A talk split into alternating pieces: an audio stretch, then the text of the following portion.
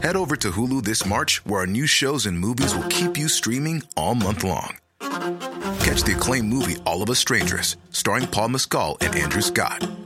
Stream the new Hulu original limited series We Were the Lucky Ones with Joey King and Logan Lerman. And don't forget about Grey's Anatomy. Every Grey's episode ever is now streaming on Hulu. So, what are you waiting for? Go stream something new on Hulu. Hey, I'm Ryan Reynolds. Recently, I asked Mint Mobile's legal team if big wireless companies are allowed to raise prices due to inflation. They said yes. And then when I asked if raising prices technically violates those onerous two year contracts, they said, What the f are you talking about, you insane Hollywood ass? So to recap, we're cutting the price of Mint Unlimited from $30 a month to just $15 a month. Give it a try at mintmobile.com slash switch. $45 upfront for three months plus taxes and fees. Promo rate for new customers for limited time. Unlimited more than 40 gigabytes per month. Slows. Full terms at mintmobile.com. Hey, I'm Ryan Reynolds. Recently, I asked Mint Mobile's legal team if big wireless companies are allowed to raise prices due to inflation. They said yes. And then when I asked if raising prices technically violates those onerous two year contracts, they said, What the f are you talking about, you insane Hollywood ass? F- So to recap, we're cutting the price of Mint Unlimited from $30 a month to just $15 a month. Give it a try at mintmobile.com slash switch. $45 upfront for three months plus taxes and fees. Promo rate for new customers for limited time. Unlimited more than 40 gigabytes per month. Slows. Full terms at mintmobile.com.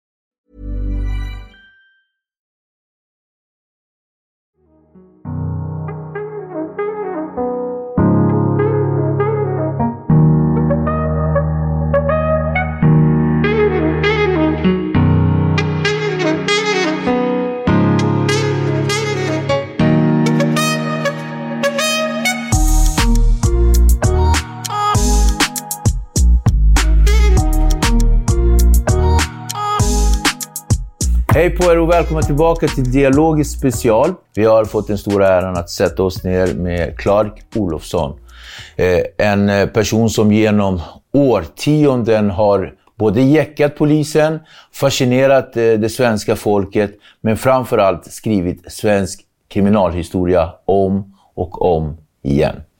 Välkommen Clark. Tack. Kör på dig. Det stod i en amerikansk tidning. Det här, det är svenska, de är svenska är underliga. Det ska vara ordning och reda. Och så kommer en sån där jävel dykande upp. Som heter Clark Olofsson. Det är en mix mellan Warren Beatty och Jesse James.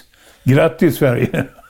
Och hur kändes det att, lä- att läsa de raderna? Jo men vad fan, jag, jag var ju van. Jag, det jag har ju varit i tidningarna i 60 år. Och jag tänker Warren Beatty på den tiden var ju liksom rena rama, ja, men det var ju en sexsymbol. Ja, visst. en av världens eh, mest attraktiva män. Och, så då, och, och sen den andra kontringen då, Jesse James, som var en ökänd eh, västernlegend, eh, bankrånare och så vidare. Ja, men värre var den kombinationen. Han är en mix mellan Pippi Långstrump och Al Capone. Och när kom den då? Han var här i Sverige. Så, så det är ganska tvära kast på hur Ja, man ser för på fan människor. alltså. Hej och hå. Det gör ingenting alls. Hur känns det att vara ute? Hur känns det att vara ute? Ja, och gå på fri fot. Men vet du, jag känner att jag är ute även när jag sitter. Mm. Jag har inga sådana problem. Men ändå rymmer du. Ja, ja, herregud. Men jag har inte gjort det nu på, på senaste 20 åren. Spe, speciellt bara för att de, de har låst in mig så in i helvete. Och eh, bevaka. Ja, men innan dess så... Herregud. Det var ju, Sverige var ju öppet. Var du lite företagsam så tog du ut vad fan som helst ifrån. Och det var ju bara konstigt att tänka sig, varför ska jag sitta då? När, när jag lika gärna kan vara ute och jävlas. Och ute, när man är ute, då är man fri. Helt dubbelfri. Men, men när man hamnar, när man hamnar så här inom kriminalvården så får man ju ofta höra så här att, att, att, eh, att vilja sticka ut ifrån inlåsning, att inte vilja vara inlåst, det är ju ett friskhetstecken. Ja. Och, så där, eh, och, och så. Hur, hur, hur kände du? Hur pass frisk var du eh, när du kom till kriminalvården för första gången? Minns du det? Du, de har sagt, de här psykologerna, de har gjort en massa konstiga jävla uttalanden. Sen, ungefär att, fan, du är fan med bland de friskaste vi har träffat. Människor. Med inga, inga, inga problem och inga depressioner och Massa sådana konstigheter. Ingenting sånt. Tvärtom. Jag tar ju hand om grejerna när jag sitter där och har kul. Kan du känna så här, eh, i, om du tittar tillbaka så här, hur, hur det har sett ut och så där, när det gäller eh, fångvården. Vi, vi ska gå in lite grann på det här med internering och hur fan det, det såg ut. Och så, men kunde du någonstans se när du hamnade, inte på kri- kriminalvården, när du hamnade liksom på ungdomshem, för du hamnade på ungdomshem ganska tidigt. Jo, men jag rymde ju direkt. Du rymde ju direkt. Ja. Kan du se den parallellen att inte vilja stanna kvar på, på ett ställe där någon säger till dig vad du ska göra och sådär? Var det det det handlade om? Dels det, dels det. Att säga till mig vad, man ska, vad jag ska göra och inte göra, det är totalt meningslöst. Eh, Då gör jag alltid tvärtom. Ja, det handlar... Är du lite företagsam och lite jävlar anamma i dig och vågar saker och ting. Då på den tiden så fanns det inga murar tillräckligt höga. Du hittade alltid en vä- väg ut. Ja, De säger ju att jag har rymt 17 gånger. Vad säger du? Ja, inte fan vet jag. Ja. Jag var glad varje gång. Eh, det, det har ju gått en serie på Netflix, eh, Story of your life. Eh, är, det, är det första och enda filmatiseringen av det, eller har det förekommit Nej, det har funnits massa jävla Filmatisering, nu, filmer och dokumentärer och allt möjligt skit. För, för nu gjorde de en väldigt påkostad serie eh, som Jonas Åkerlund hade med, med unge Skarsgård i, i, i rollerna. För det första, vad, vad tyckte du om hans eh, gestaltning? Jo, men det var ju kul. Det, var, alltså, det har in, ingenting med liksom sanningen att göra. Utan det var en, en Hollywood-produktion mitt i gatan. Mm. Störde inte någon. Så jag får ju alltså tiotusentals 14, 15-åringar och 16-åringar ringer fortfarande. Var det en rättvis bild av dig? rättvis bild. Ja, det är alltså... Ge fan i mig så ge- bråka inte tillbaka. Ja, jag fattar. Eh, hur mycket insyn fick du ha i, i den här serien? Ingen. Ingen? Nej, Ingen alls? Ingen alls. Det var ett av villkoren. Villkoren? Att jag skulle hålla mig borta. Är du... Är du Jo, men jag är för jävlig på att lägga mig i. Det vet jag ju. Det vet ju alla andra också. Så det var de beredda på. Eller vi- ville absolut stoppa. Och så var det mycket svårt att göra en, en, en sanningsenlig. Och ta med alla detaljer och alla varianter. Det går inte, vet du. Det skulle vara en jättefilm i varje avsnitt. För att kunna liksom få en förklaring, en röd tråd till någonting. Men varför tror du att du har haft ett sånt innehållsrikt, där det har hänt så himla mycket saker hela tiden? Jag menar, innan du fyllde, innan du fyllde 25 så hade du blivit medial och, Ja, ja, visst. och, och så. innan. Så varför tror du att du är en person som har haft den här goen, den här ruschen i dig? Alltså, Ja, men jag spelar med. liv. Jag spelar ju med. Ja. Alltså, Spelar jag, hade ju, ja, jag hade ju kontakter med journalisterna istället för att ducka. Mm. Och liksom vara öppen och kunna svara för mig. När lärde du den förmågan? Den, jag, den finns i mig. Det är många gånger de har frågat hur fan har du hur fan burit dig åt? Du, du hamnar på kåken med åtta år och du är ute efter sex månader. Och efter två år så är du fri. Är det att ta kriminalvården på utmattning då, eller är det liksom... Ja, det är mycket det. Mycket det. Clark, om du...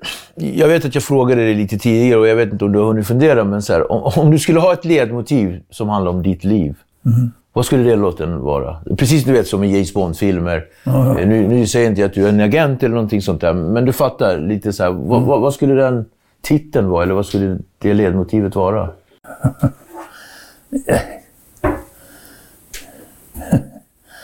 Nej men alltså det... Ledmotivet är, fan, var inte månjävel. Håll vad du lovar. Och eh, skit i vad folk tycker och tänker. Och vikte inte en tum. Utan gå till anfall. Hitta på någonting. Bara dö inte, bara lägg dig på rygg och svimma. Det gör jag aldrig. Jag sitter, sätter igång direkt och försöker hitta på en variant. Okej. eh, barndom? Ska vi gå in och grotta lite där? Ja, det finns inte mycket att snacka om. Fast egentligen kanske ganska mycket. För, för jag tänker så här. Alkoholiserad eh, farsa. Och, och nu utgår jag inte från Netflix-serien, för där har man väl kanske gett en bild så som de uppfattade att det var. Så, Äh, så vi de- släpper den liksom. De gav en bild som skulle vara en förklaring till varför jag var som jag var. Och det har ingenting med sanningen att göra. Nej. Min, min far han eh, la inte ett finger på mig. Och jag kommer ännu inte ihåg att vi hade en enda seriös diskussion. Utan... eh, Jag föddes i Trollhättan. Och min mamma döpte mig till Clark därför att hon älskade när... Skådisen eller? Är det Clark Nej. Gable? Eller vilken Hon Clark? älskade när eh, Borta med vinden. Ja, Clark Gable. Ja, och, nej, Ja, Clark, jo, och jag skulle, jag skulle vara tjej. Jag skulle heta Vivian. Okej, som Olivia de Havilland spelar? Ja. Okej. Och då trodde du, då var du en kille. Då måste hon ju göra något annat. Stod en huvudpersonen där. Okej. Ja.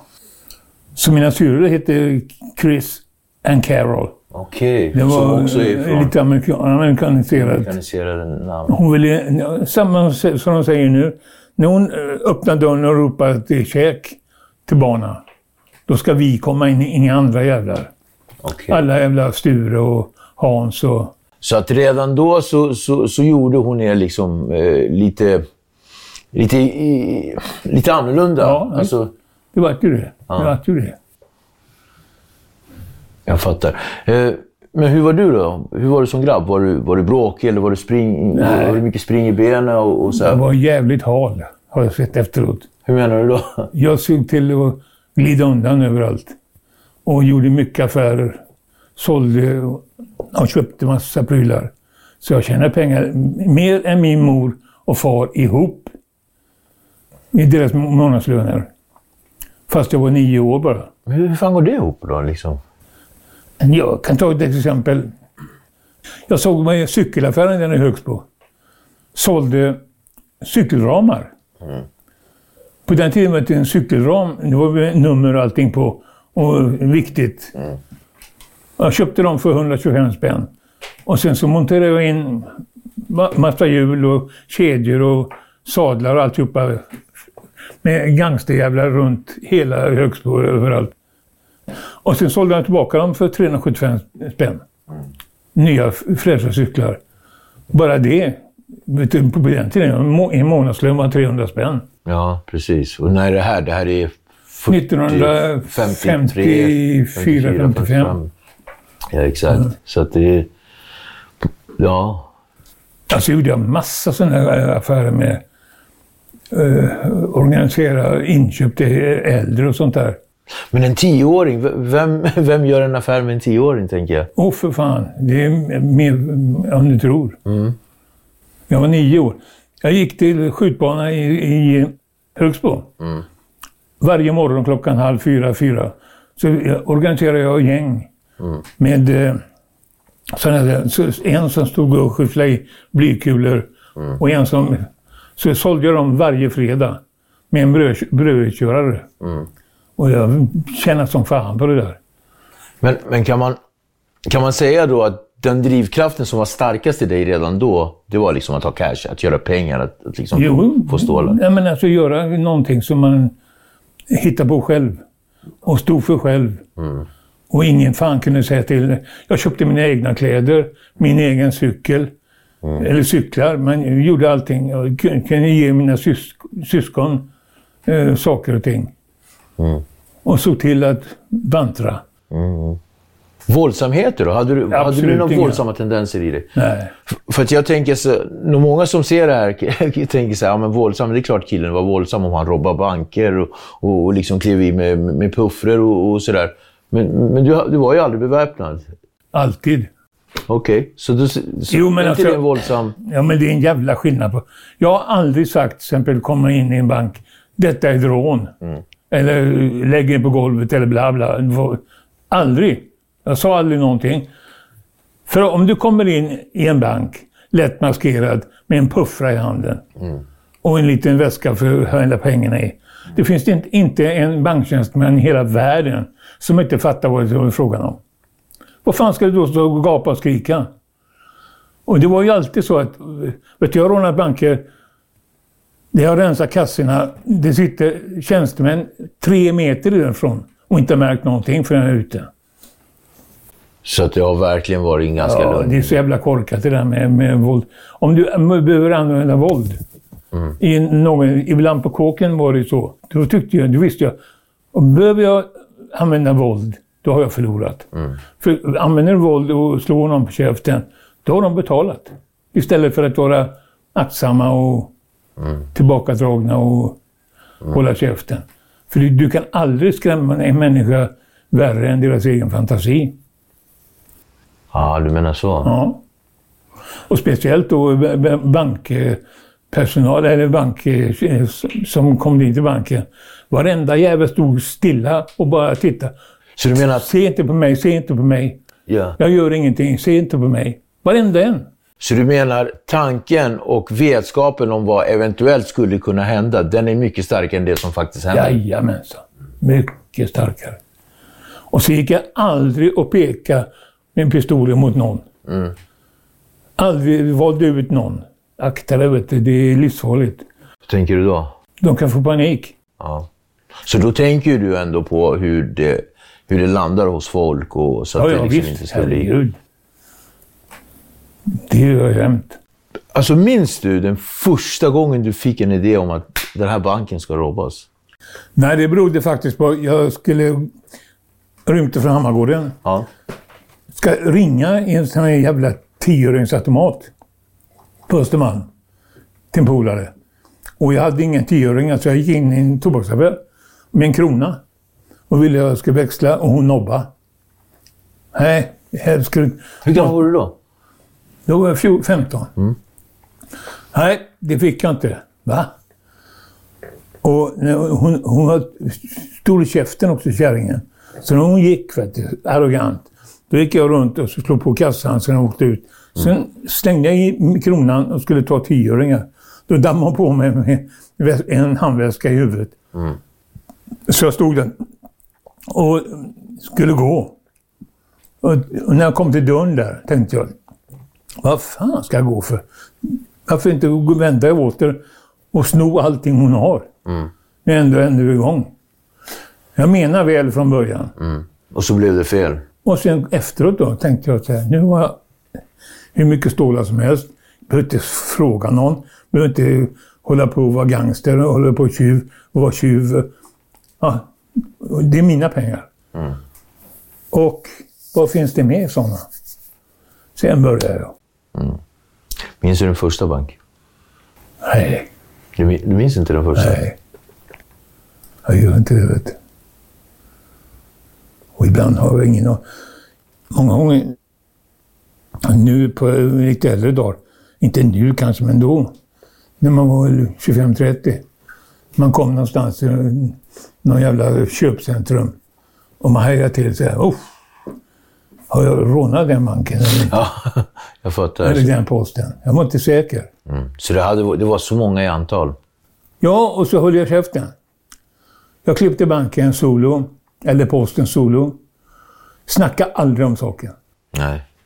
För det är också en sån här grej. När snacket går så, det, så, kommer polisen och bultar på dörren till slut. Ja, jag snackade med din tjej eller din bästa kompis. Du kan ge fan på förr eller senare sipprar ut. Men om du aldrig ens nämner det, du låter det inte ens lämna din käft. Då, då, fin- då har jag sett att fan, man glöm, glömmer av, man är inte säker. Fan, gjorde jag det? En själv alltså? Ja. ja. Det eller inte? Och det gäller inte bara Sverige. Nej. Jag har varit lite överallt och hävlat. Och det är samma system varenda gång. Eh, missbruk då och, och sådär. Jag har ju noterat att du har ju någonstans sagt, nu vet jag inte var, men också när man tittar på, på, på, på, på din historia. Eh, så ing, aldrig haft något missbruk eh, inblandat. Det enda gången jag missbrukade, det var efter vi hade varit igång, jag och Gunnar Nordgren, efter vi sköt ihjäl en polis. Vi har varit igång då nästan tre dygn. Och då säger han, han tjatar, han var, knark, han var narkoman. På Preludin. Vad är preludin? Det är alltså avmagringspiller egentligen, från början. Så det är, det är för eh, innan eh, ketamin, eller det är ketamin, amfetamin. Ja, Det är för... men det var amfetamin i. Men de krossade den där skiten och silade i en jävla strumpa eller någonting. Eller vad fan de gjorde. Ja. Och han sa att han ville gärna att vi skulle gå och köpa. Så köpte vi då 15 piller. ja. Och jag fick sex. Och vräkte i mig. Och det var ingen bra. Och du blev påtänd som en Ja, lärka. som en jävla idiot. Vet du. Och jag märkte ju direkt att det går ju inte att styra någonting. Nej. Det är bara att åka med. Var det innan själva polishändelsen eller var det efter? Efteråt. Så, så, ja, ja, så det var efter ni Ja, hade... bara för att då var vi helt slut. Vet du. Och nu var du 19 år. Ja, Vid här- vid det här sex- tiden. sex- ja. Ja, du var 19 år gammal. Eh, Du och din, eh, din polare, var, var ni på rymmen från någonstans? eller? Ja, ja, ja, visst. Ni var på kuten? Ja. Och så, vad fan var det som hände med poliserna? Det, alltså, vi, jag hade sagt till eh, Gunnar, han var en sån där tystlåten jävel som inte gjorde en fluga för när han visste ju ingenting. Så jag tänkte jag säga, en sån som inte säger någonting, han ska kunna vara den som plockar pengar i bankerna. Så håller jag styr på allihopa.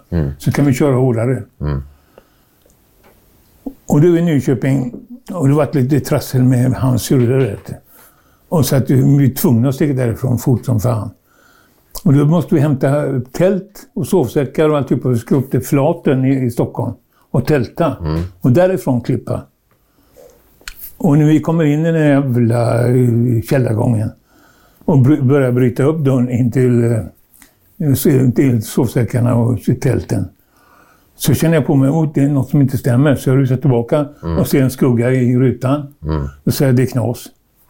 Så vi hoppar ut på, på, på, på gatan och springer. Vi ska inte bara sti- sticka.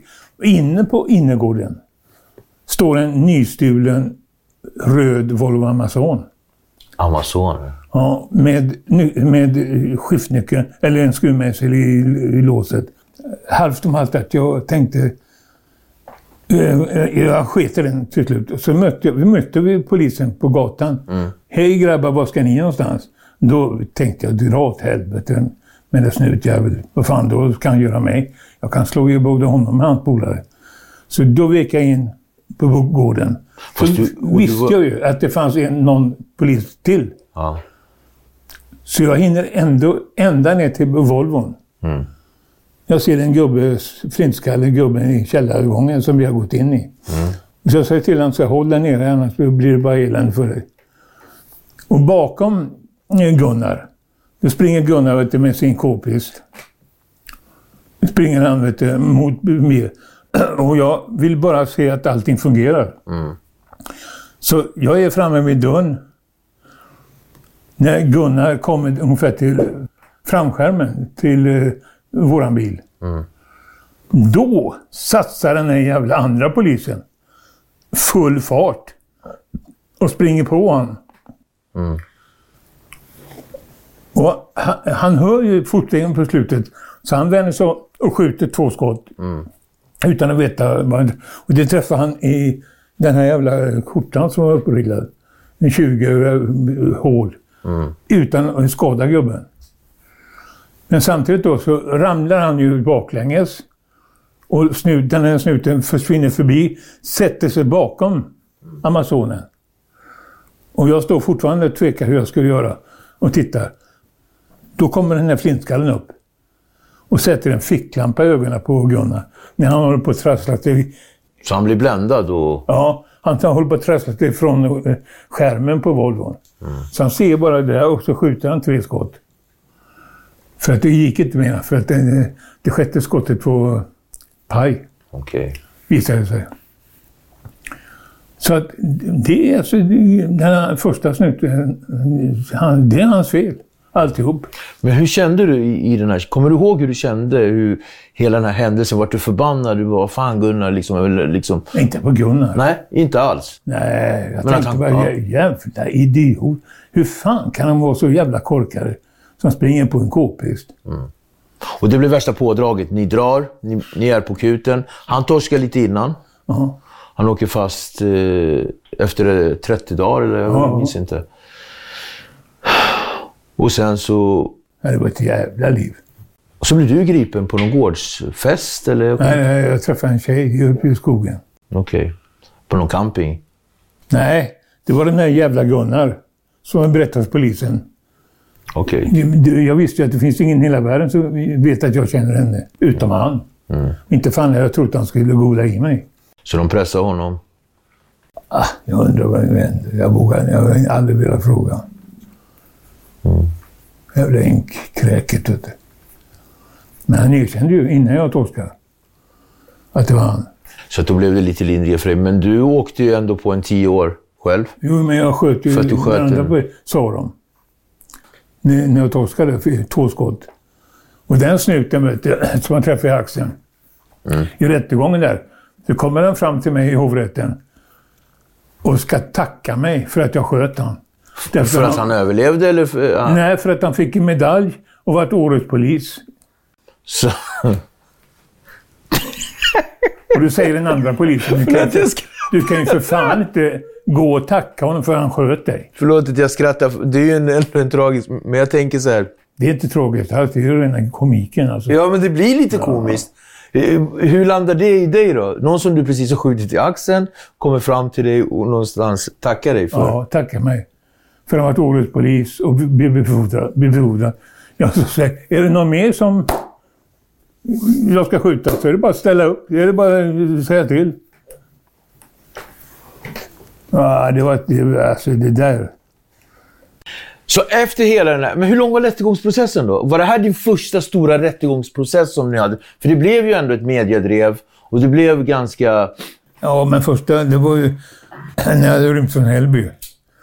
Och har sån jävla otur.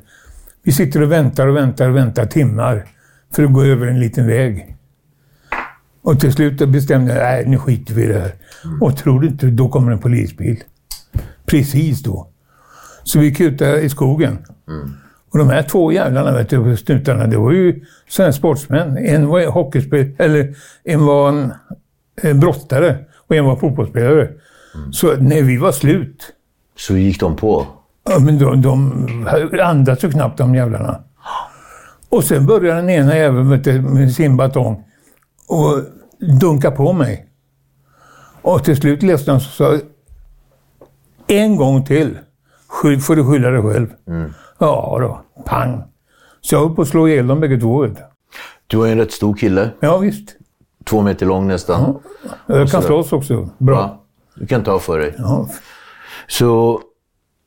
Men kan det också vara anledningen till att du hade den här självklara glorian som du hade? Du Ja. hade en ganska självsäker och, och självklar känsla av att det här är någonting som jag kan... Kan det ha mycket med din storlek att göra? Jag, ja, när du säger det så. Men jag vet fan inte. Men har du ens funderat på det? Aldrig, ja, men jag har aldrig haft problem. Nej. Det är aldrig någon som har utmanat mig. Du har bara aldrig. skapat problem, kanske? Nej, men jag har sagt till dem. Mm. Här går gränsen. Och de utmanar mig inte. Mm. Och jag har alltid klarat mig. Jag, har aldrig, jag tänkte aldrig på det. Att det var tvärtom. Men Clark, eh, när du satt nu då, eh, det här blev ju, du fick, du fick ju tio års internering. Nej, åtta års Förlåt, fängelse. ja det blev ju sänkt till åtta år. Eh, Elva. Elva fick du först. För jag hade tre år därför att de här två poliserna som skulle envisas med att hålla... Men jag varnade dem. Så jag slog sönder den ena och så slog jag sönder den andra också. Jag spräckte till och med huvudet på honom. Så att de hittade dem du, liggande i ett kors i diket vid vägen, Poliserna. poliserna. Så de låg på sjukhus i tre veckor. Fast då var du ju ändå ganska våldsam. Ja, men jag hade ju varnat dem. Jag sa till dem, det är fan inte en gång till. Han stod och petade med sin jävla batong. Vet du. Eh, Och det, jag gillar hans vittnesmål.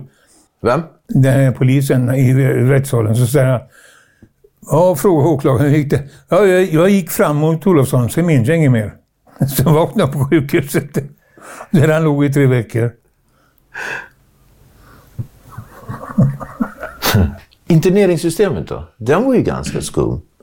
Alltså jag... Ja, men interneringssystemet. Vad innebar det egentligen? Jo, det innebar att eh, när du har bullat upp tillräckligt många rymningar och tillräckligt mycket jävla straff. Och på den tiden vet du, så... Sverige är ganska... Eh, de är ganska snälla mot banditerna. Vet du, om du gör tio bankrån så blir du dömd för ett. Du får våldta för ett.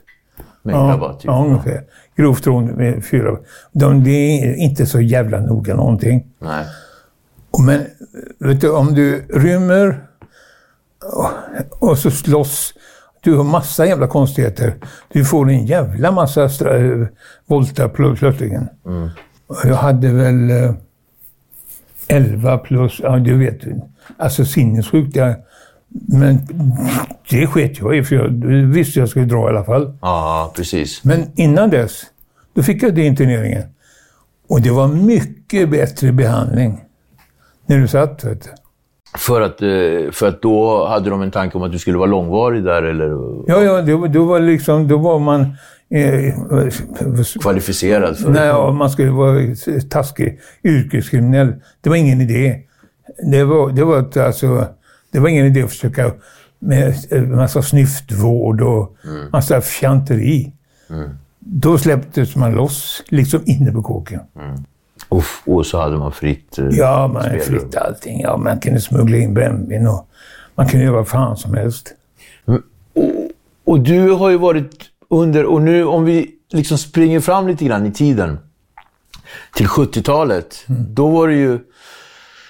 Då gjorde du mycket rabalder på kåkar. Jag menar, det var upplopp, eh, hungerstrejk, Ja. rymningar, fritagningar och sådär. Eh, trivdes du på kåkarna ändå? Nej, men jag var inte där så mycket. Det var jag inte, vet du. Det är det som är otroligt. Du var inte där så mycket? Nej. Hur mycket effektiv tid har du gjort? Plus minus noll. Ja, men de säger till exempel när, den här åttaårsvoltan Ja. jag gjorde. Jag gjorde jag två år på. Jag hann ju fan knappt in för att skulle ut. Och, och de såg ju till att jag fick inte komma ner på verkstäderna. Jag fick behålla dina civila kläder. På Norrköping bestämde jag. Jag, jag var regiassistent på Stadsteatern. Och kunde bestämma när jag ville gå ut. Och jag kom tillbaka halvfull, halv ett på natten. Och ingen sa ett jävla ljud. Och jag kunde ta med mig en fånge ut också. Vem som helst. Vem som helst. Vet du. Speciellt de här nyanlända som hade då fyra, fem år. För man så kom, kan inte, jag kan inga, inga protester. Jag styrde och ställde precis som jag ville. Men är inte, det, är inte det helt otroligt att du kunde styra och ställa? Ja, men jag precis säger det, det är inte klokt. Vart du fascinerad själv? Nej, efteråt. Nu när du tänker till alltså? Ja, efter att jag tittade på det. För det var det så jävla många eh, gamla banditer som var med på den tiden. Och frågade, hur fan var det där gått? Du dyker upp där och du hade värsta voltan. Och vem fan är liksom först ute på plan? De fattar ingenting. Nej. Och inte jag heller.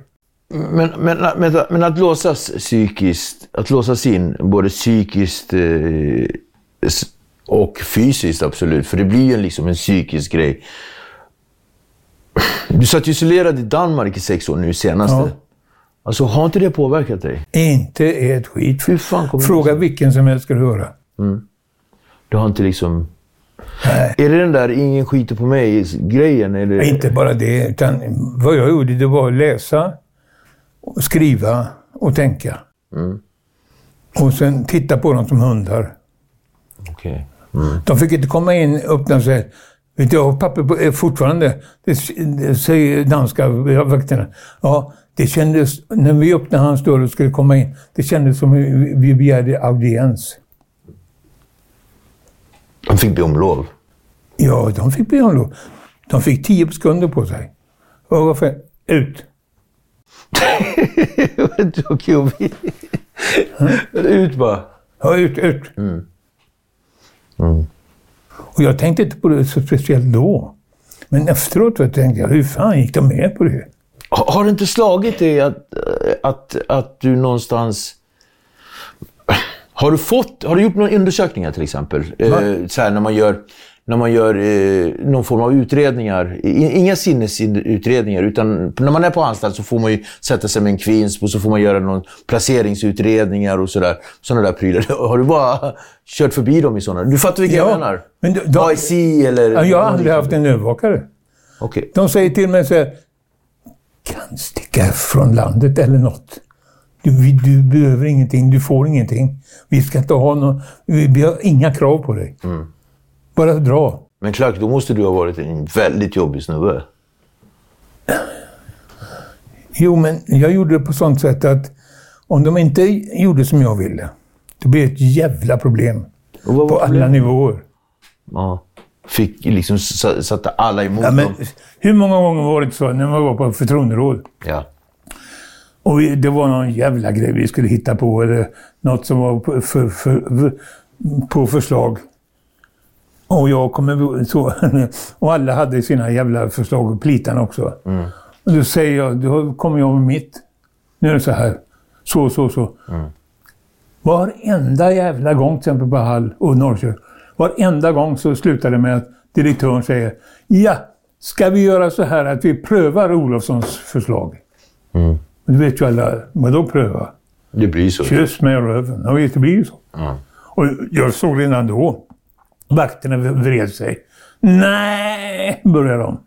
De tyckte det var jobbigt. Ja. De hamnade i underläge.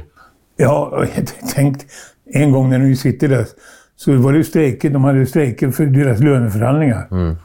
Då säger jag, vänta lite så här. Vi gör så här. Ge mig papperna så ska jag sköta om era löneförhandlingar så blir det fan med ordning.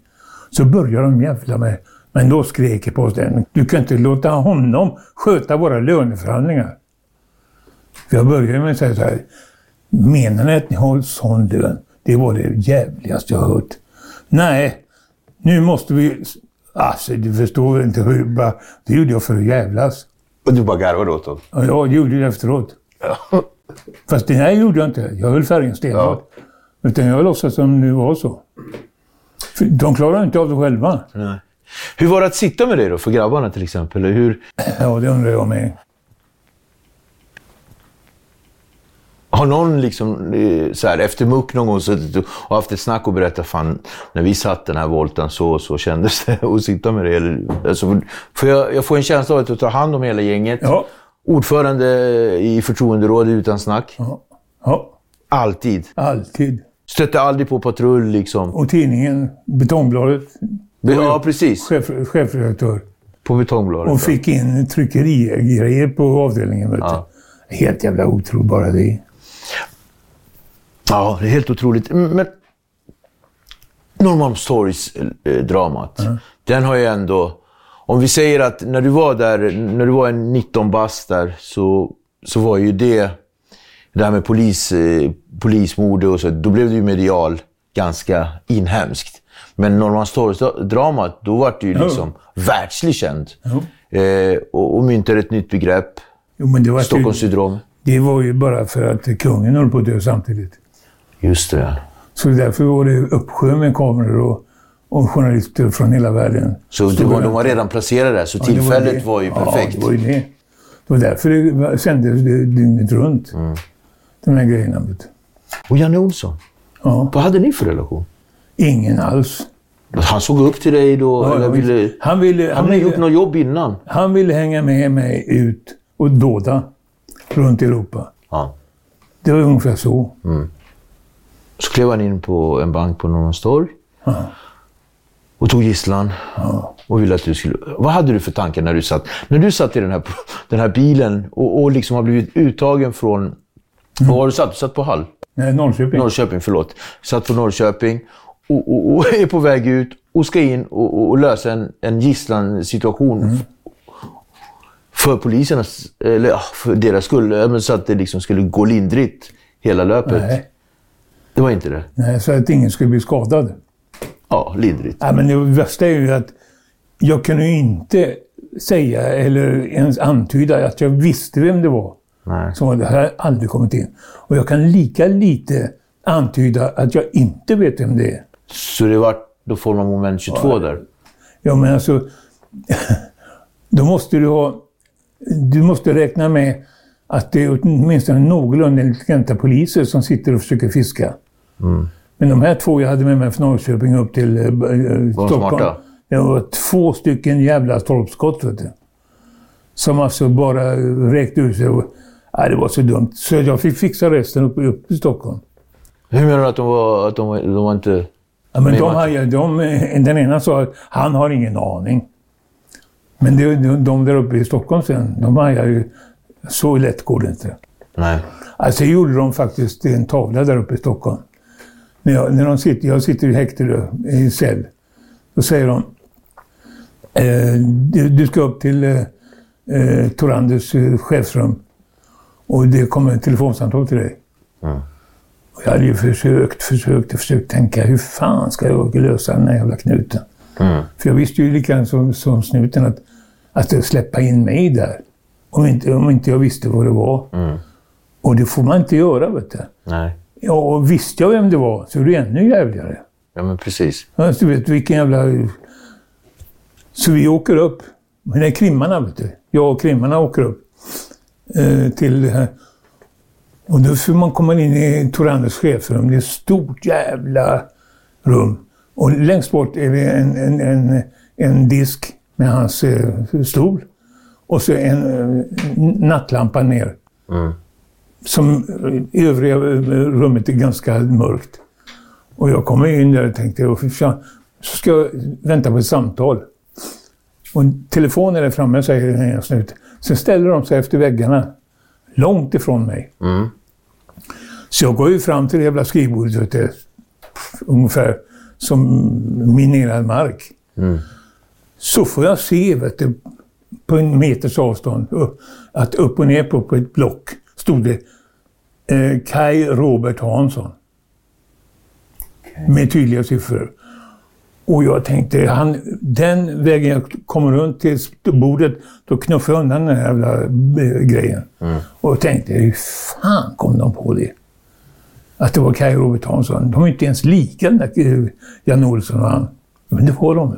De var lika? Ja, när de hade på sig peruk, den jävla idioten. Okej. Så visste jag samtidigt, hade jag varit polis, då hade jag kört den där jävla telefongrejen. Tills idioten där nere visade sig så pass mycket så den bara pang! Skjuta i axeln vad som helst. Men när du kom ner då till honom? Ja, men när jag, när jag kommer fram dit, Ja. Vad hade ni? Alltså... då säger jag så här, eh, när han, då ringer det. Då hör jag till han.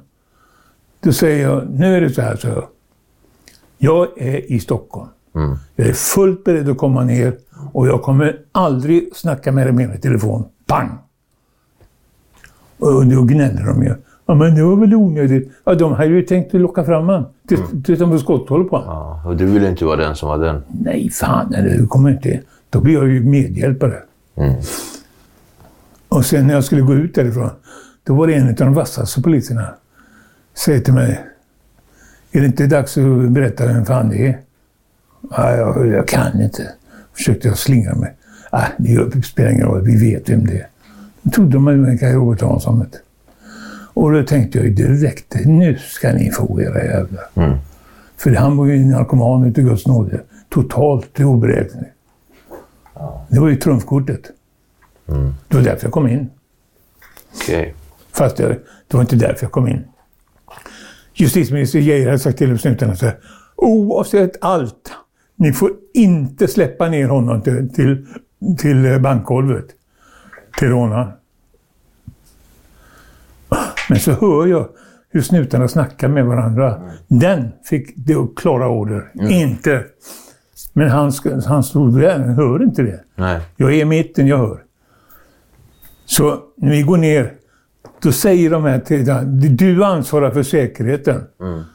Och du, du trodde den här jävla idioten att det, det gällde som de har snackat om innan. Så när vi går ner för trapporna, vet du, Då är det tre, fyra soldater med hjälmar och skit och k-pistar. eh, Svensberget. Då hoppar jag över. Och glider in. Då hör man. Det var väl för fan onödigt. Det var ju förbjudet. Ja. Jag skulle absolut inte få gå in dit. Nej. Och nu var du inne. Nu var jag inne. Vad var första ordet till honom? Vad, vad, vad var det första ni sa till varandra?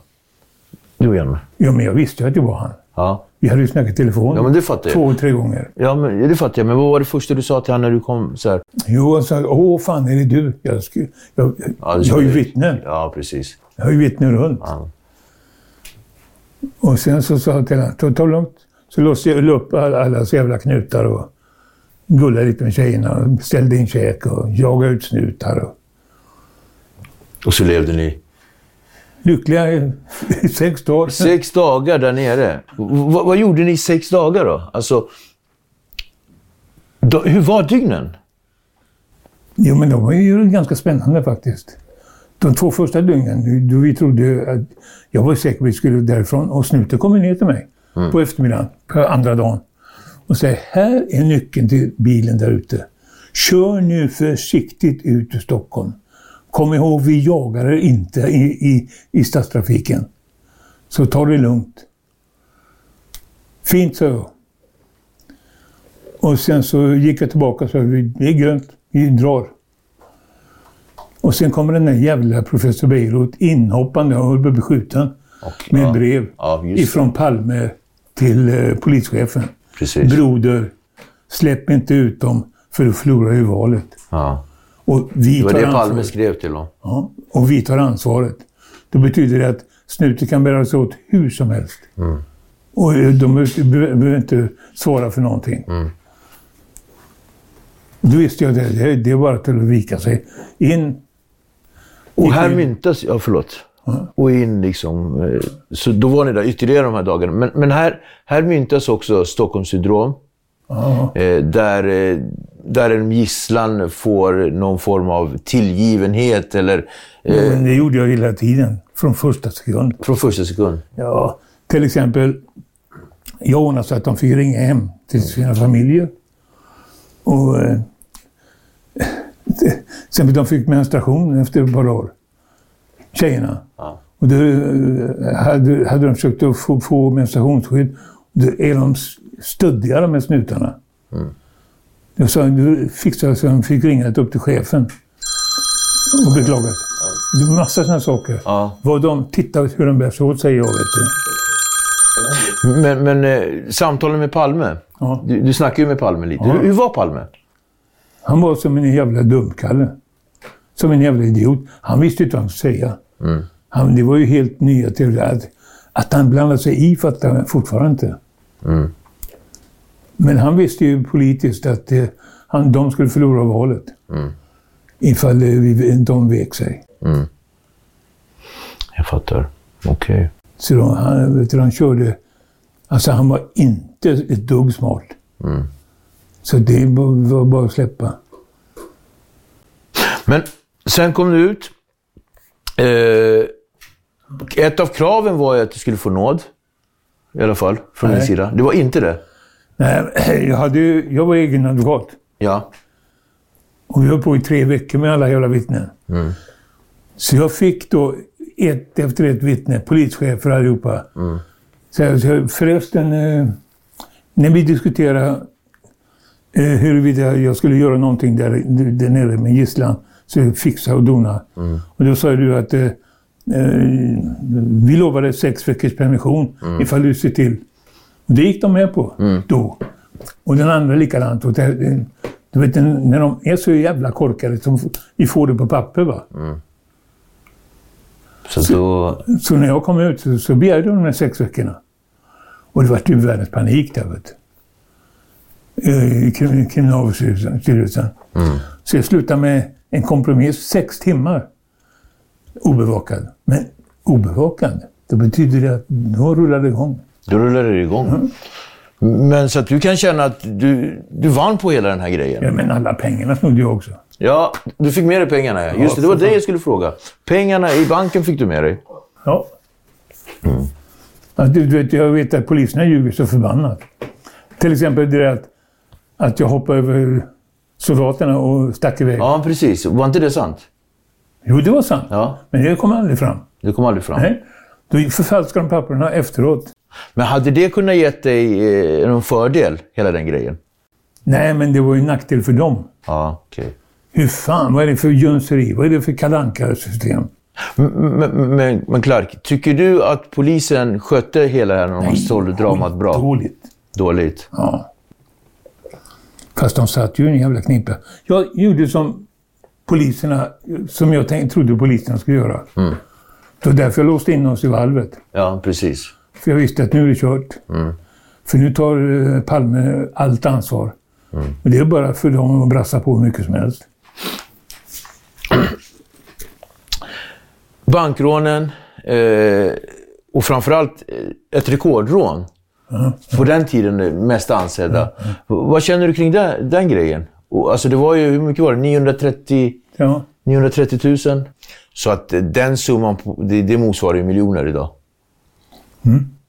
Fyra, fem miljoner så var de. Men då hade jag redan rå- rånat ett par, tre banker i Danmark. Så jag hade fickorna fulla, vet du. Jag skulle egentligen råna ett tåg. Det var det hela planen gick ut på. Men det jävla tåget kom för, för tidigt. bankrån, eh, det här rekordrånet. Sen har du en massa andra spektakulära, alltså vi pratar om Moderna Museet.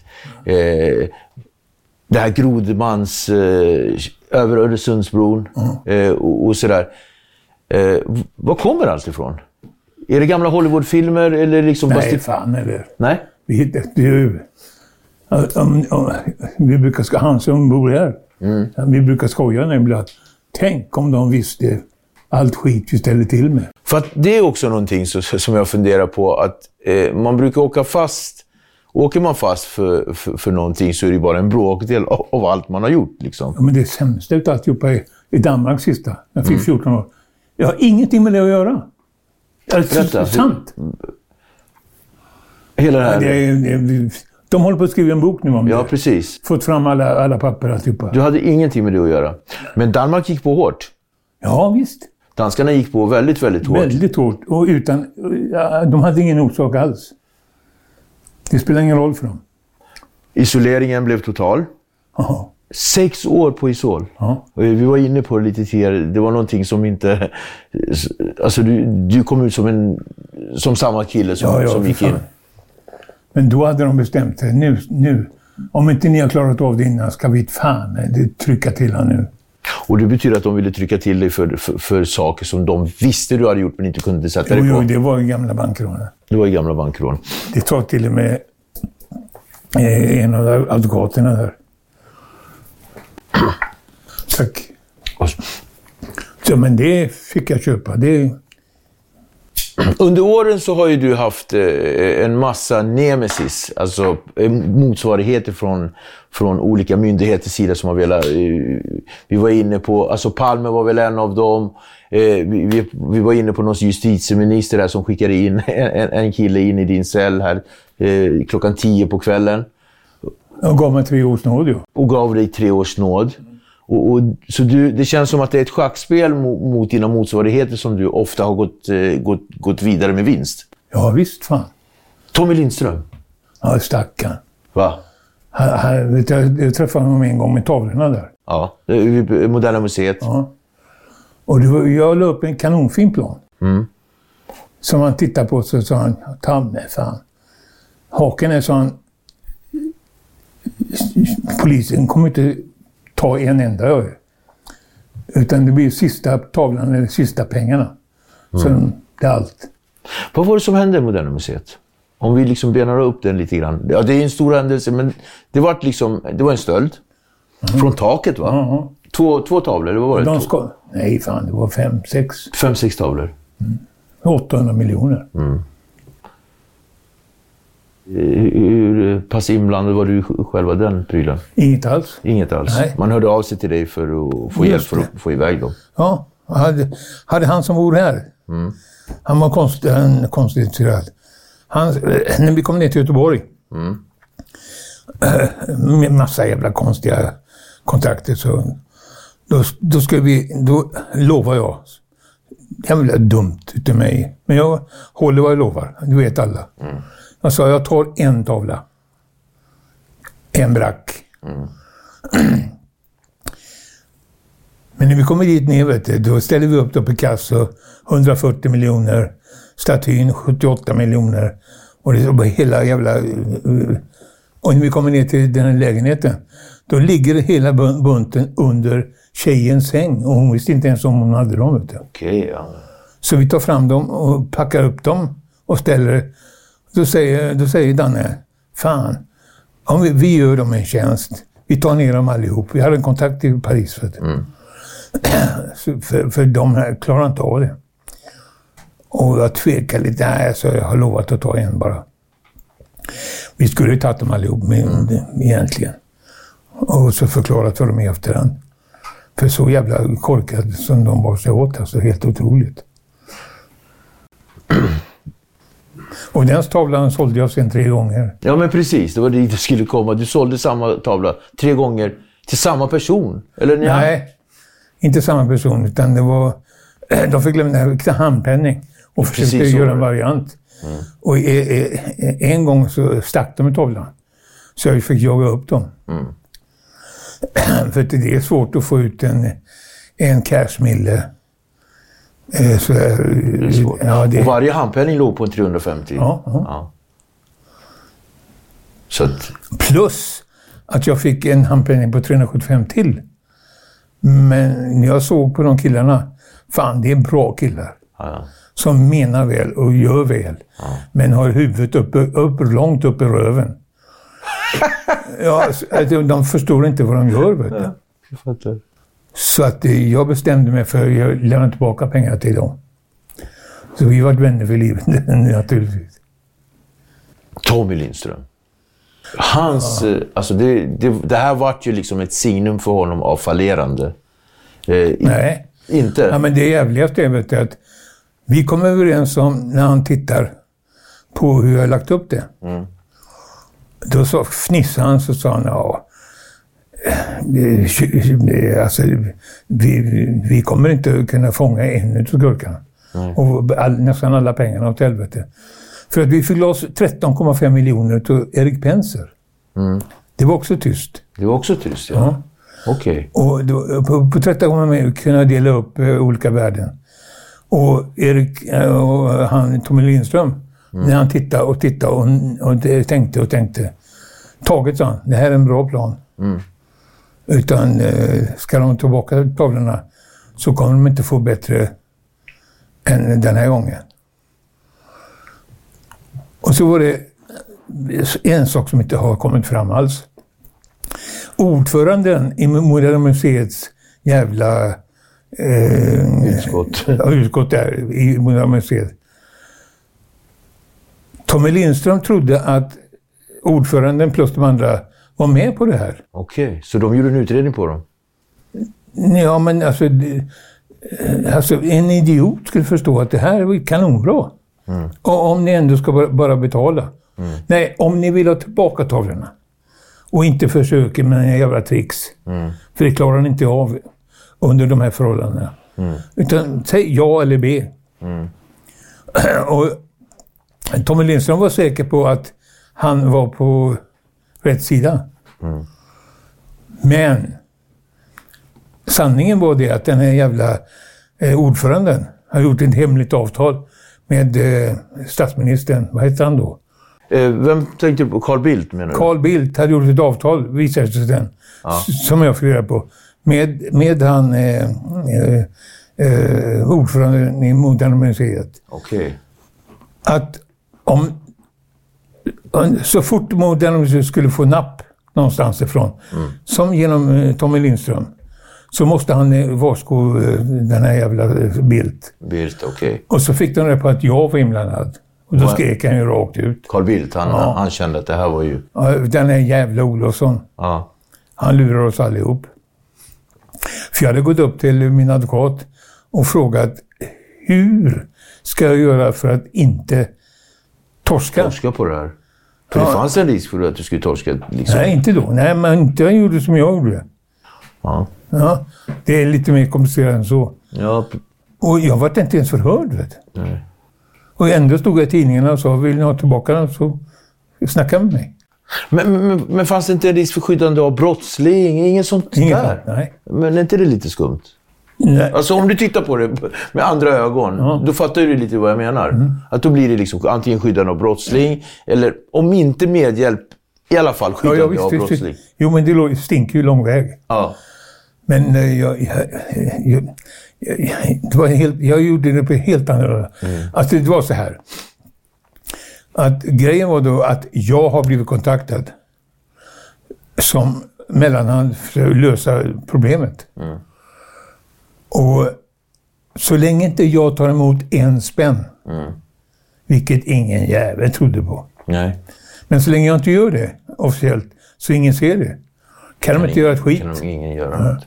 Och det är ofta så här små kryphål som du hittar. Så att, poliser, din relation till poliser.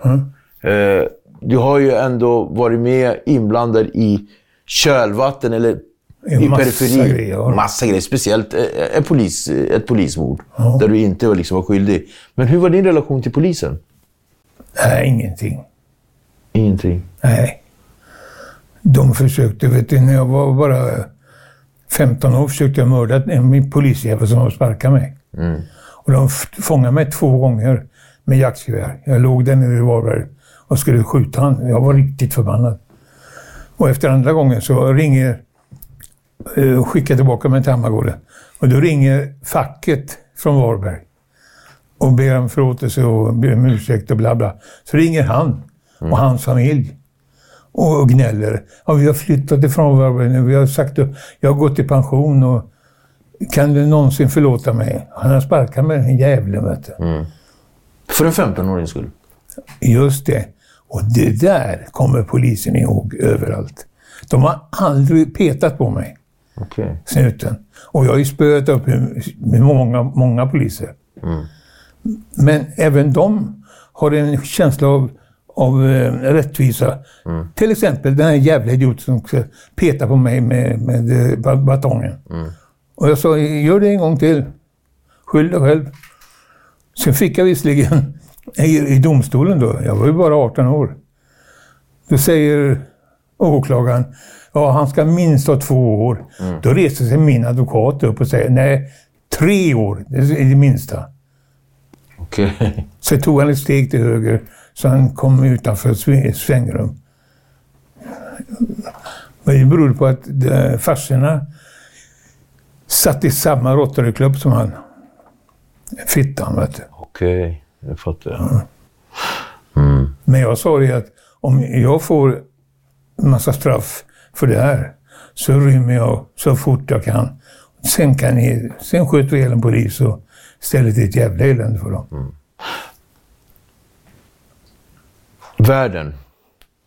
Vi har pratat mycket i Sverige, sådär, men du har ändå rest runt i världen Ja. och gjort en massa, eh, massa, Massa roligt. massa roligt. Vilket land kan du känna var det landet som tilltalade dig mest, förutom eh, här hemma? Var det, var det Holland? Som land betraktat, eller Ja. som, som brott betraktat? Som brott betraktat?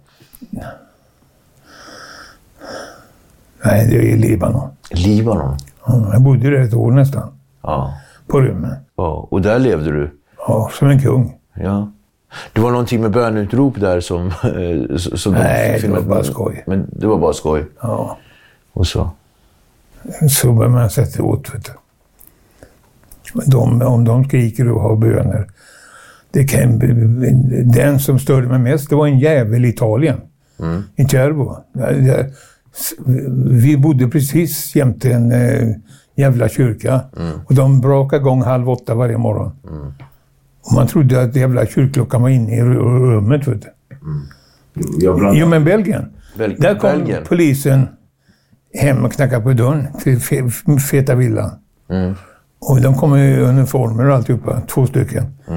Och sa att vi har genom spaningar från polisen, de har skrämt upp oss från svenska polisen om dig så ända in i helvete. Och vi har kollat nu i två år, du gör inte någonting här mot, mot oss, mot Belgien. Så kan vi säga så här att om du inte gör någonting mot oss så gör vi fan med ingenting mot dig. Deal. De höll. Och hur kändes det där? Ja, men det kändes alldeles utmärkt. Var det svenska polisen som hade bett dem att liksom ett öga på dig? Ja, ja, ja. Man gjorde dem överallt i Europa. Överallt. För helvete. Vi, var nere och tittade på eh, Formel 1-tävling. hade en villa där i Portugal. Och det var sista, år, sista Formel 1 Så jag ringer upp till ett par polare. Kom ner fan. Så har vi fe- festen en hel vecka. Och, och, inget brott, ingenting. Vi, de åker, kommer ner. I samma flygplan sitter det 22 stycken narkotikapoliser. 22! Och fick betalt. Vet du. Det är ju lyxsemester för dem allihop, de jävla asen. Och vad skriver de för rapport då?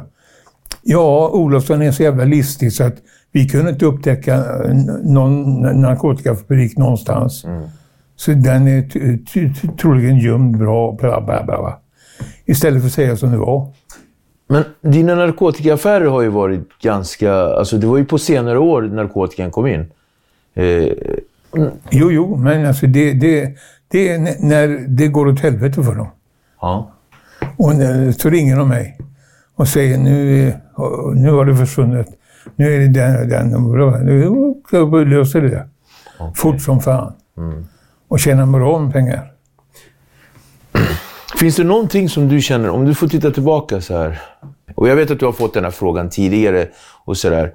Men, men, om, du, om du fick göra om någonting i ditt liv. Finns det någonting du känner att du skulle vilja göra om? Men det är en sån här fråga som är totalt, totalt meningslös. För att jag har gjort så in i helvete mycket konstiga saker som inte var i närheten av domstolen. Och så torskar jag på, på saker jag inte har ett skit med att göra. Och får 14 plus 14. 28 år.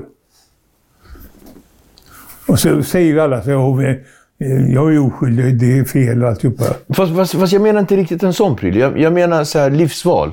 Uh, val i livet. Eh, som till exempel att, att när du kom ut från eh, den första volten på tio år så kanske man skulle eh, göra någonting annorlunda, börja jobba eller vad, som helst. Alltså du var ju journalist, så att du fick ju komma ut och skriva. Eh, var det inte du som fick komma ut och skriva för eh, en tidning? Eh, så här. Jaha. Men typ en sån pryl. Eh, alltså sådana val. Ja, men alltså... De vill att man ska falla in i deras jävla skitled. Och göra... Alltså, nej, nej, nej. Nej. Då ska man börja sist, vet du. Och få, få någon jävel en chans att eh, sätta sig lite på en. Så kan man inte låta bli. Och det går inte. Jag hör ju ändå att det är det som är den stora grejen. Att folk inte ska få sätta sig på en. Ja, det går inte. Det går inte. Nej. Gillar jag sånt där, att köpa ett litet slott. Och så tre, fyra stycken Mercedesar och, och BMW i garaget. Leva. Precis det.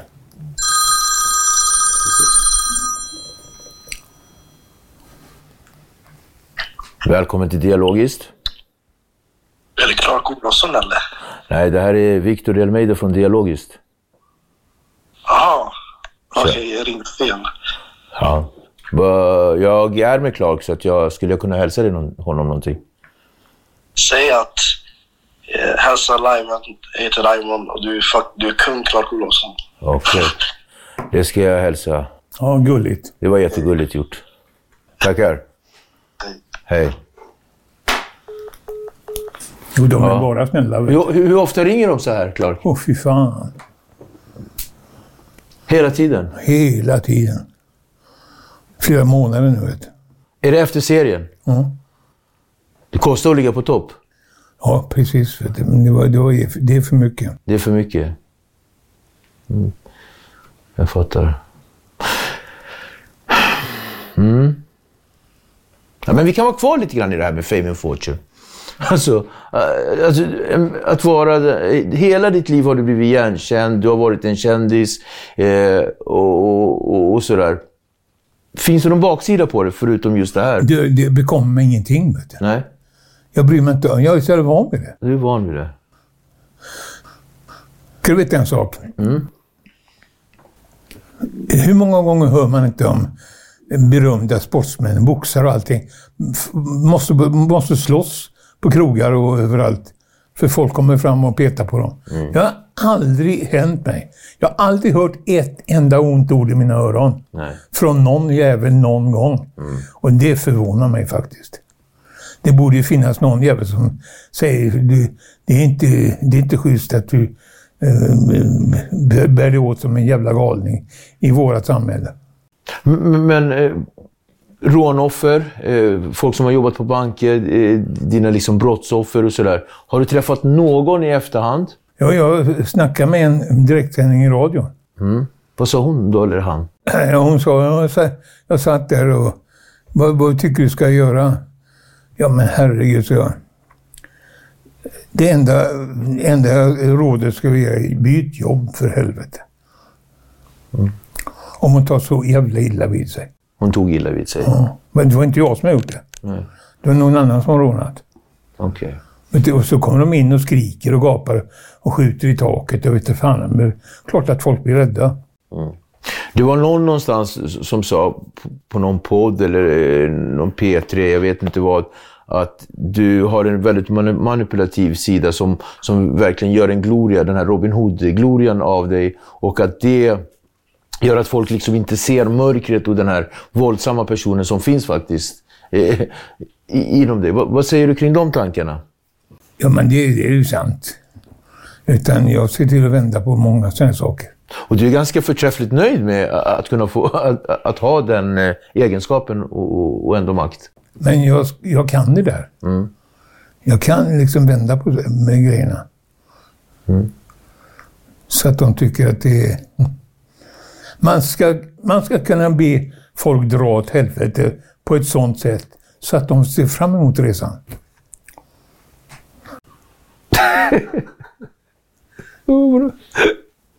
Ja. Jag kommer ihåg till och med, jag hade en direktsändning i radion med en jävla professor här i Sverige. Jag kommer inte ihåg hans namn nu.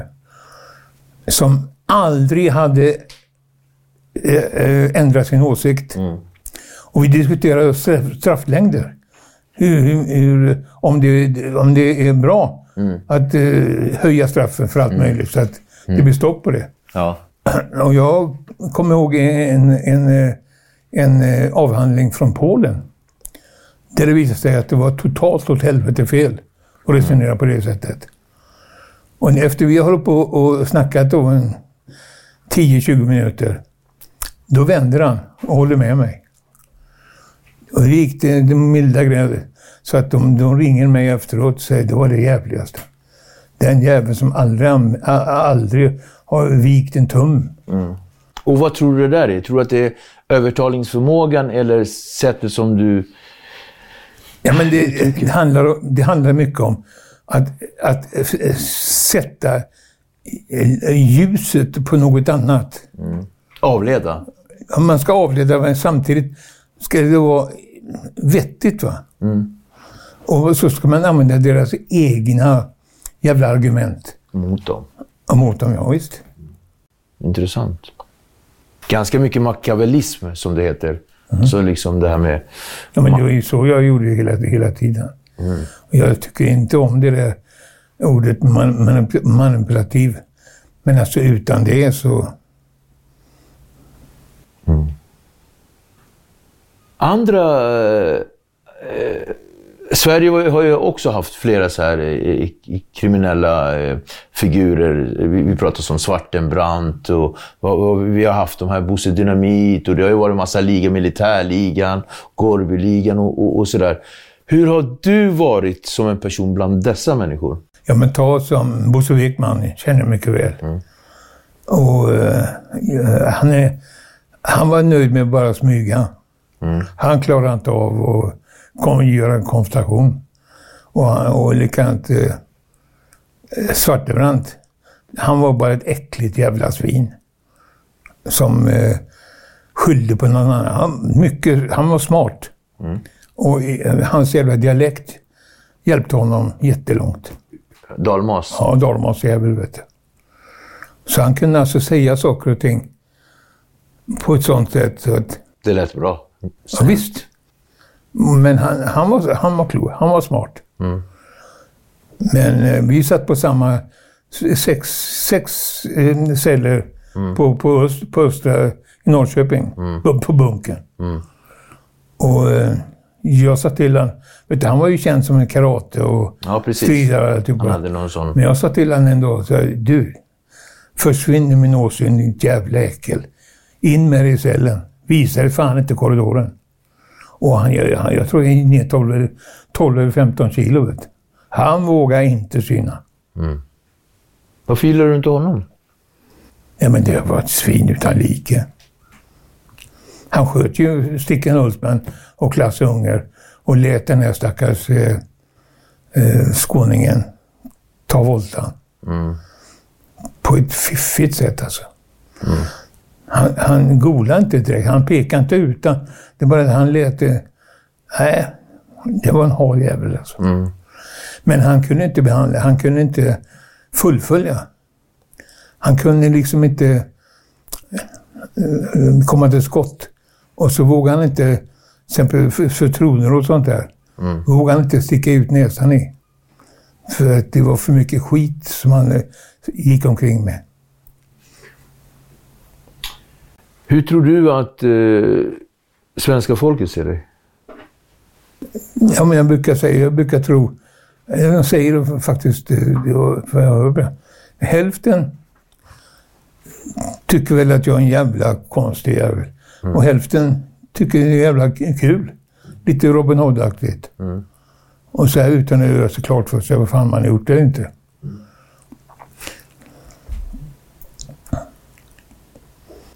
Samhället idag. Du ser ju nyheterna. Vad det som håller på att hända. Dödsskjutningar, det är sprängningar i Ja, portar. jävla löjligt. Berätta, hur tänker du där? Löjligt, löjligt, löjligt. Det är alltså... Det, det, jag beklagar att de inte sätter ut eh, eh, vilka det är som gör alla de här grejerna. Och jag ger mig fan på 98 procent är inga svenskar. Riktiga svenskar. Har, har, det, har det med saken att göra? har mycket stor sak att göra. En, s- svenskar, de gick ut och, och boxades på näsan. När de träffade på varandra på, på, på gatan eller på en eh, pizzeria. Men de här ligger i bakhåll för ingenting. Och han har sagt något illa om min tjej. Och istället då för att eh, göra upp det som män, så sitter de som fittor vet du, i bakhåll. Nej, fy fan. Det där tycker jag. Sen tycker jag framförallt att eh, tidningar och Sverige, radio och TV, de skulle bara sluta snacka om det. Sluta, sluta. Sluta diskutera saker. Sluta och uppmärksamma det överhuvudtaget. Men jag tänker dina brott som du gjorde, de uppmärksammades ju otroligt Ja, mycket. ja. Alla dina rån, alla dina... Ja, ja. eh, eh, Du, du menar att eh, med den erfarenheten så, så menar du att, att det inte är bra? Eller? Ja, men, Eller ser du skillnad på din egen? ja, men alltså de uppmärksamheten som, som de tillägnade mig, det berodde ju jättemycket på att jag hjälpte till. Att jag ställde upp och snackade med dem och vände på saken och förklarade att det inte alls var precis exakt så där utan och man kunde dra paralleller till massa saker. Nu, vad fan ska de säga? Jag, jag slängde en bomb till, till, till den här portgången därför att det bor en jävla eh, Mohammedan där uppe. Vem fan, för det första egentligen bryr sig, utom andra mohammedaner. För det andra, vad är det för jävla sätt? Det är liksom inga, inga karatakter i det. Och så det som retar mig mest, eller det som jag protesterar mot. Alltså, vi har åtminstone siktat på att tjäna pengar. Du menar att de gör det här inte för pengar. Men det här handlar ju kanske om pengar, narkotikahandel. Mycket sällan. Mycket sällan. Mycket sällan. Du löser inga sådana problem. Jag pratade med en polis faktiskt eh, häromdagen som, som också var lite inne på att det handlar inte så himla mycket om narkotikahandeln. För då frågade jag så här, om man skulle legalisera narkotikan, skulle det vara att de här, de här våldsdåden skulle försvinna? Och då var han lite inne på att nej, kanske inte riktigt. Nej, fan eller. Det har inte med det att göra. För att jag känner de här som håller på. Det sista de vill ha, det är uppmärksamhet runt sina affärer. Inte fan vill de dra, dra all nyfikenhet åt sig om jag får sälja tjack hit eller dit. Ja, hallå? Hej, är det klart? Ja, men så det är mycket sånt. Men okej, vad- ja men precis. Eh, okej, Clark, men, men eh, slutledningsvis det, så här, det har varit en fin stund. Tycker jag. Jag vet inte vad, du tycker, men jag, jag tänker så här, här och nu eh, så tror jag att många kanske tänker så här, eh, på ålderns höst, känner du dig eh, berikad av kunskap? Jag, jag har massvis med kunskap. Jag är otroligt allmänbildad. Det är du. Livserfarenheter. Ja, inte så jävla mycket på det. Alltså, det finns de som har mycket mera livserfarenheter när det gäller arbete och sociala sammanhang och alltihopa det där. Men ska vi tala om eh, mänskliga beteenden och då kan de komma igen. Ja, men familj. Dina sex barn. När träffade du dem sist? Ja, så fort jag kan. Utan jag snackar med han tvåmeterskillen idag. Och de är lyckade allihop. Och de bor i Belgien och, och så. Jag har fyra söner i Belgien Fyra söner i Belgien. och två döttrar i, i Sverige. Och ingen har spårat ur. Ingen har spårat ur. Så, att, så att den där tanken om att en gång eh, farsan är eh, bad seed så... så Ja, men det var ju det. Ja, men där har du typiskt mig. Jag lät min fru, katoliken, fostra barnen. Och jag bet mig i tungan 68 gånger om dagen ibland. Att jag ska ge fan i och försöka få dem att, och försöka få dem att jämföra sig och försöka tävla.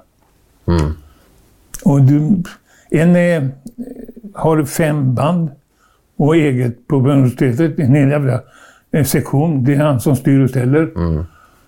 Och så har jag min andra son, åtta avdelningar på BMW sköter han om. Okej. Det är typiskt hur, hur jag är. De är halva mig. Så du blir stolt? Ja, men de är halva mig. De, Ja. jag, jag kan inte lå- låta bli heller. Ska jag vara någonting så det jag som bestämmer. Så är det du som bestämmer. Och den sista nu, lille, 32-34 år. Han har öppnat eget och sätter upp solpaneler på taken. Finns det, finns det någonting som du känner att du önskar dig? Mer i livet just nu?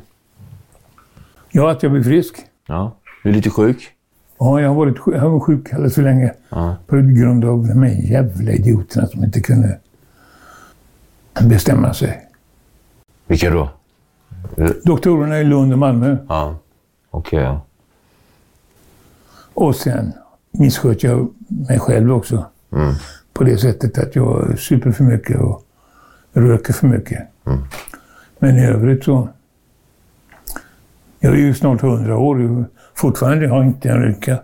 Där har du ett typiskt tecken på det där med att jag satt i. Konserveringen? Nej, inte konserveringen, utan att man inte tar åt sig. Att du liksom inte suger i dig en massa jävla depressioner och skit. Ja. Tack för att vi kom, Clark. Tack för samtalet. Är det redan slut? Ja. Tänder en cigarr på den.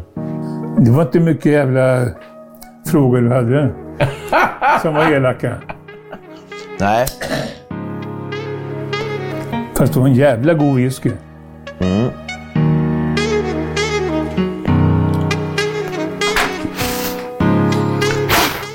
Nej, de behöver inte vara elaka.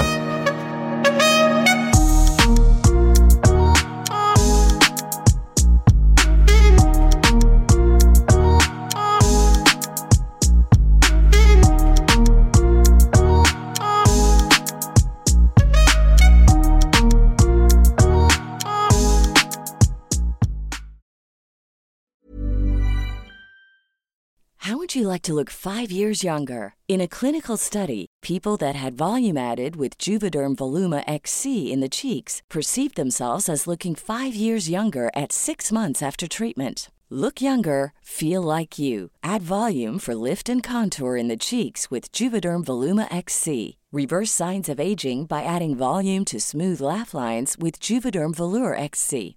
For important safety information and to find a licensed specialist, visit juvederm.com. That's J U V E D E R M.com. Not for people with severe allergic reactions, allergies to lidocaine, or the proteins used in Juvederm. Common side effects include injection site redness, swelling, pain, tenderness, firmness, lumps, bumps, bruising, discoloration, or itching. There's a risk of unintentional injection into a blood vessel, which can cause vision abnormalities, blindness, stroke, temporary scabs, or scarring. Talk to a licensed specialist to find out if it's right for you.